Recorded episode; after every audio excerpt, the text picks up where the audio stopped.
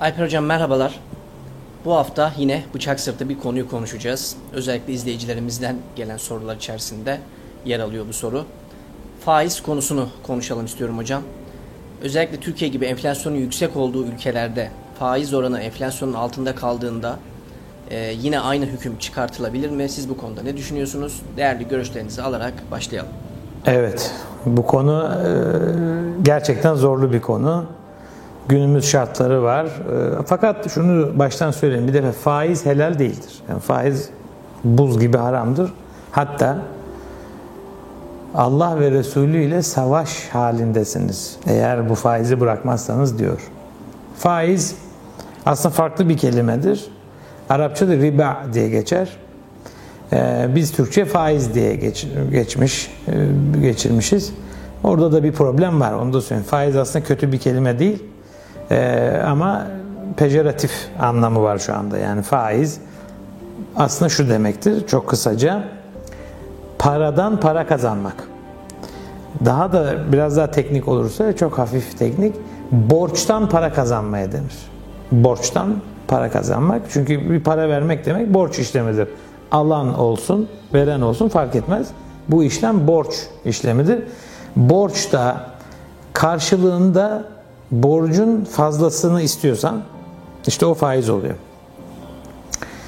Şimdi bu durumda e, arada mal olmaması meselesi vardır faizde. Yani bir malı da satarken para istiyoruz sonuçta. Onu biz bir paraya aldık belki.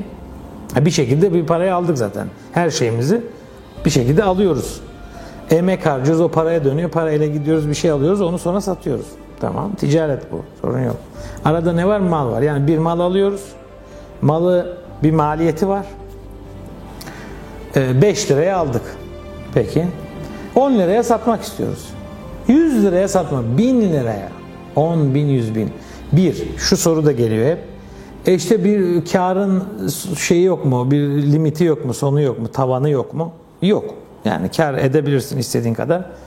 Ee, kar etmekte hiçbir sorun yok.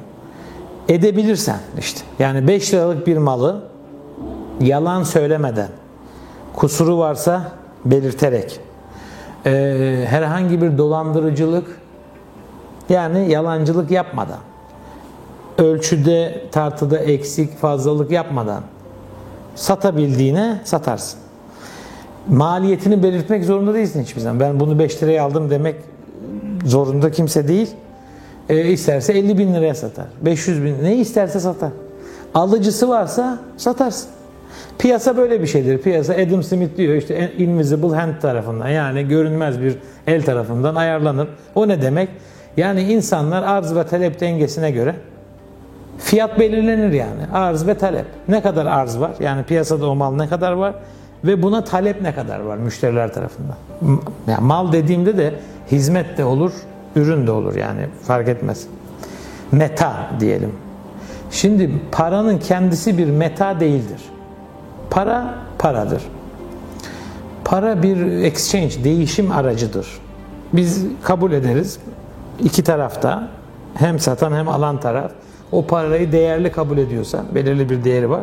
O belirli değeri tam da o kadar kabul ediyorsa e, alışveriş yapılır. Sen para verirsin, ben malı veririm. Anlaşırız. Bu helal ticaret olur.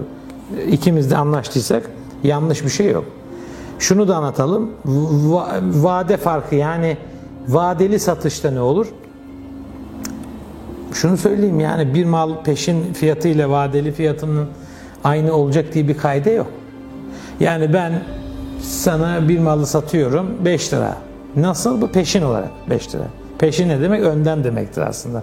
Farsçadan gelir. Önden ver. Yani anında verirsen nakit olur işte şu an için konuşuyorum hani IBAN olur fark etmiyor. Parayı bana gönderiyorsun. Şu anda verirsen, şu anda gönderirsen 5 lira diyorum. E abi biz bunu taksit yapsak nasıl olur? Ne kadar taksit? Ona bölelim. İyi. Ya ona bölünce tabii risk var, değil mi? Gelmeme riski var, çeşitli riskler var ve paranın tamamını sonra alma durumu var. Ben burada 7 liraya çıkarsam bunu ayıp mı, günah mı? Değil. Çıkarırım abi. 10 10 ay vadeli 7 lira derim. 70 lira derim yani. Fark etmez bu beni bağlayan bir şey. Ben satıcı olarak istediğim fiyatı söylerim. Bir yanlış yaptığım bir şey yok. Diyorum ki bu mal peşin verirsen bu kadar. Şu kadar alırsan bu kadara inerim. Bu kadar zamanda alırsan, bu kadar zaman geçip de bana parayı verirsen başka. Şu da var. Abi 5 ay sonra tamamını vereyim. O da başka bir şey. Değil mi? Taksit başka bir şey. Bir de 5 ay sonra toplu parayı, 5 ay sonra taksitin başlaması var. Ya olabilir, her şey olabilir. Bunlarda haram yok. Çünkü bir mal var. Vade farkı koyabilirsin. Niye koymayacaksın? Çünkü zamanla paranın şöyle bir özelliği vardır. Para zamanla değer kaybeder daima. Değer kaybeder. Onun için e, biz zamana yayılan ücreti artırabiliriz yani. Bir şey olmaz bunda. Faiz nedir? Riba, faiz. Kısaca tefecilerin yaptığıdır. Şudur. Bu illegal olabilir, tefeci, legal olabilir, banka. Fark etmez. Tefe tefedir. Yani ne demek? Parayı, şimdi sana bir para veriyor, bankadan örnek verelim. Tefeci de aynısını yapıyor. Ne yapıyor? Para veriyor. E şu kadar zaman, ne kadar zaman sonra getireceksin? İşte 3 ay, tamam. O zaman bu kadar. Sana x verdim, x artı 10, x artı 20 diyor. Peki bu artı 10 artı 20 bunlar nedir abi? Yani ne, özelliği ne? Yani neden alıyorsun? Bir karşılığı var mı? Realde, realde. Gerçekte bir yok. Aslında yok. E, mal, e, hizmet bedeli falan. Yani hizmet bedeli bilmiyorum yani. Öyle bir hizmet bedeli var mı? Yok. Çünkü paradan para kazanmak. Bu hizmet olmaz. Parayı veriyorsun. Ben sana o parayı paranın değerinin aynısını vermem lazım. Şimdi enflasyon işin içine giriyor. Enflasyon kısaca bizim yani halk arasında nedir? Paranın aslında değer kaybetmesidir diyelim. Devalüasyonla aynı şey gibi düşünülüyor. Tam aynı şey değil. Endekslere bakılır burada. Üfe ve tüfe yani üretici fiyat endeksi ve tüketici fiyat endeksine bakılır. Buradaki fark hesaplanır. Bu mallar, ürünler, hizmetler e, ne kadar artmış? Yani alım gücü dediğimiz şey burada önemli. Paranın alım gücü. Şimdi paranın alım gücü düşüyor. Azalıyor bir memlekette. Peki memleketimizde böyle. Bu, bu arada onu da söyleyeyim yani. Şu anda sene 2023 e, gayet bu paranın alım gücünün ne kadar da düştüğünü görüyoruz. E, bu durumda insanlar tabii yatırım yapmak istiyorlar. Ya yani en azından paranın değerini korumak istiyorlar. Ee, daha demin dediğimiz işte hani bir krediler çok alınmaya başladı. Kredilerin belli oranları var falan. Bunlara bakarak diyorlar ki işte e, ne yapalım ihtiyacımız var.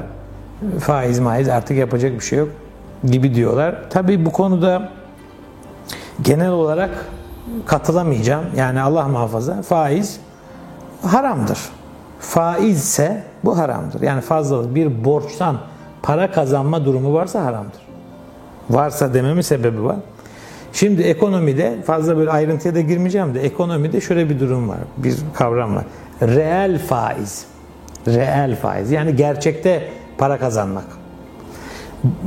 Ara ara oluyor bu Türkiye'de. Başka memleketlerde de oluyordur. Onun uzmanı değilim. Ee, ne yapıyor? Şimdi bankalar kredi veriyor. Fakat vade o kadar uzun ki enflasyona bakınca senin ödeyeceğin para matematiksel olarak, nominal olarak fazla bir para. Faiz gözüküyor. Örnekten 10 bin alıyorsun, 3 sene sonra ödeyeceksin 27 bin olarak. Şimdi arada ne var? 17 bin lira fark var değil mi? Ne bu matematiksel olarak? Yani 27'den 10'u çıkarırsan 17 kalır. Peki. Peki realde öyle mi? Şimdi realde öyle mi ne demek? Çok basit bir yöntemle. Bu tam da doğru yöntem değil ama yeterli bir açıklama. Yani şimdi bugünün 10 bin lirasıyla ne alıyorsun? Bir tane şu telefonu alıyorsun. Atıyorum. Veya şu en güzelini söyleyeyim. En Kur'an'da da yeri olan altın odur. En güzeli odur. 10 bin liraya altın. Ne kadar altın alınıyor? şu kadar. Peki. Diyelim. Hadi yalandan söyle. 500 gram altın. Peki. Gittin 3 sene sonraya 500 gram altın ne kadar olacak acaba? 500 gram altın ne kadar olacak? Şimdi şu akım var, şu şu düşünce var. Ben bu kampta yer alıyorum. Yani ben çünkü reelle bakmak gerekiyor. Matematiksel olarak, nominal olarak, e, konjonktürel olarak meselesi değil. Reelle bakmak gerekiyor. Altın üzerinden borçlanmakta fayda var. Onu anlatmaya çalışıyorum. Altın çünkü şöyle bir şeydir. Çok kısaca geçeyim. Değeri daima artar. Niye? Altının uzun vadede değeri kesin artar. Şundan dolayı affedersiniz. Şundan dolayı altın bir madendir. Yer altından çıkarıldığı zaman yer altındaki hacim ve kütlesi azalıyor. O azalıyor. Yani yer altından altını çıkardın. Artık ziynete döndü, paraya döndü, külçe oldu falan. Azaldı. Altın artık azaldı. Dolaşıma girecek altın. Onun için değeri artar. Az olan şey kıymetlidir. Doğru mu? Bu arada onu da söyleyeyim. Ekonomi, ev idaresi anlamına gelir ama mesela iktisat kelimesi aslında kısıttan gelir. Kısıt. Kısıtlıların, kısıtlı şeylerin yönetimi, e, bilimi anlamındadır. Yani kısıtlı şeyleri nasıl idare ederiz? Altın mükemmel bir örnektir. Allah da ayette söylüyor. Altına, gümüşe, atlara gibi devamı var. Ee, sizi e, onları size sevimli kıldık diyor Allah. Şu altını hakikaten e, sevmeyen toplum olmaz. Bireyleri konuşmuyoruz. Bireyler altın sevebilir, sevmeyebilir. Gümüşü daha çok. O, o konu o değil. Ama altın bütün dünya ekonomilerinde çok eskiden beri ekonomik olarak kıymetli görülmüştür. Allah'ın verdiği bu özellikten dolayı herhalde. Yani bir de şey özelliği de var bilimsel olarak. Yani çok iyi bir iletkendir. Altın elektronikte de çok kullanılır. Çok güzel iletir şeyi, elektriği. Bu açıdan da kıymeti vardır ama eskiden insanlar süs olarak daha çok ve bir e, exchange, bir değişim e, para olarak da kullanıyorlardı. Altına endekslemek daha iyidir. Ben şimdi 10 bin lira aldım ya, 27 ödeyeceğim. Fakat 3 sene sonraki 27 bin liraya 500 gram altın alabiliyor muyum? Eğer alabiliyorsa, işte o civardaysa faiz olmuyor. Niye? E, bugün 10 bin lira, yarın 27 bin. Fark etmez. Yani 500 gram altın, o da 500 gram altın. Bak neye bağladık? Gene bir mala bağladık. Yani metaya. Aynı şey oluyor. 500 gram altın diyoruz ileride. 500 gram altından daha fazla alıyorsa o para 27 bin lira o 500 gramın üstündeki ne kadar alıyorsa altın o faiz olur. Fazladan bir para o. Onun anlamı yok. Fazladan. O ribadır. Fazladır. Daha az alıyorsan artık işte o da başka bir durum. Biraz zor bir ihtimal olabilir de yani çok zor bir ihtimal. Çünkü para değeri azalıyor altının değeri artıyor. Onun için o zamanki altından hani para bu kadar yüksekken yani arada 17 bin lira var bizim örneğimizde 17 bin lira yani e, geçecek geçmeyecek bunlar bilinmez konular onu konuşmuyorum ama benim söylediğim şey şu 500 gram altına bağla konuyu bunun 3 sene sonra 5 sene fark etmez bana geri ödeyeceğin zaman banka öyle dese mesela 500 gram altın kadar öde bana falan. O zaman faiz olmaz. Bir insan da insana bunu yapabilir. Yani borç alıp verirken aslında e, altın üzerinden borçlanmakta fayda vardır. Hiç kimsenin şeyi yok. Burada zararı olmaz. E, ayette de bellidir. Eğer borç verir de hani hepten hibe edersek de çok büyük fayda var, çok büyük hayır var. Allah öyle söylüyor. Daha hayırlı olduğunu bilirseniz diyor yani. Daha hayırlı olduğunu bunun bilin diyor vermenin. Ha, ama Kimse de mağdur olmasın bu arada. Borç veren de mağdur olmasın. Çünkü borç veren de kalmazsa mecbur faize gidiyor insanlar. Aslında insanlar birbirine borç verse değil mi? Böyle mantıklı borçlar verse altına bağlasa kimse kimseye haksızlık etmemiş olacak. İlerce hani faizsiz ekonomi olur mu? Niye olmasın efendim? Tabii ki olur. Hatta şu anki kapitalizm dediğimiz yani vahşi kapitalizm dediğimizin en büyük dayanağı faizdir. Faizi çek, kapitalizm yıkılır. Ki yıkılsın. Kapitalizm, yani vahşi kapitalizme var. Yoksa insanların hani e, liberal ekonomi, kendi özel mülkiyet hakları onlara ben karşı değilim. Tamam da vahşi kapitalizm çok çok karşıyım. Vahşi kapitalizm insanı sömürüyor çünkü. Sömürünün en büyük aleti, en büyük enstrümanı faizdir. Faizi kaldır, mevzu biter. E işte bu zaman faiz kaldırılır mı? Faizsiz ekonomi olur. Allah'ın Allah'tan iyi kimse hiçbir şey bilmiyor. Allah faizi haram kıldıysa birçok sebebi var. Fazla girmek istemiyorum çünkü o kadar uzun bir video olsun istemediğim için. Faiz bütün sömürülerin, aşağılıklığın kaynaklarından bir tanesidir. Faiz olmasaydı dünyamız çok daha yaşanabilir bir dünya haline gelirdi. Faizi asla biz iyidir, hoştur diyemeyiz. Gereklidir, lüzumludur diyemeyiz. Olmadan yapamayız diyemeyiz. Bir Müslüman faize karşıdır. Ama şu banka, bu banka, şu dönem, bu dönem, işte enflasyon gerçeği, işte bu ayrı konular. Enflasyon gerçeğine baktığın zaman faizde bir para kazanmak söz konusu değilse, paranın sadece ancak e, işte kendi değerini koruması söz konusuysa o zaman faiz olmaz. Çünkü faiz demek borçtan para kazanmak demek. Para kazanılmıyorsa faiz değildir. Ee, konjonktürel olmasın diye şu anki şu zamanı örnek vermeyeceğim. Genel konuşuyorum. Yani genellikle altına bağlı borç işlemleri yapılmasında ve buna riayet edilmesinde büyük fayda vardır. Eğer durumu kötüyse borç verilen insanın ve düzelemeyeceğini, düzelemediğini görüyorsanız hibe etmenizde de büyük fayda olduğunu ayete göre bunu da rahatça söyleyebilirim. Hani şu bu zamana göre işte faiz artık öyle sizin bildiğiniz gibi değil falan demekten de kaçınmak gerekir.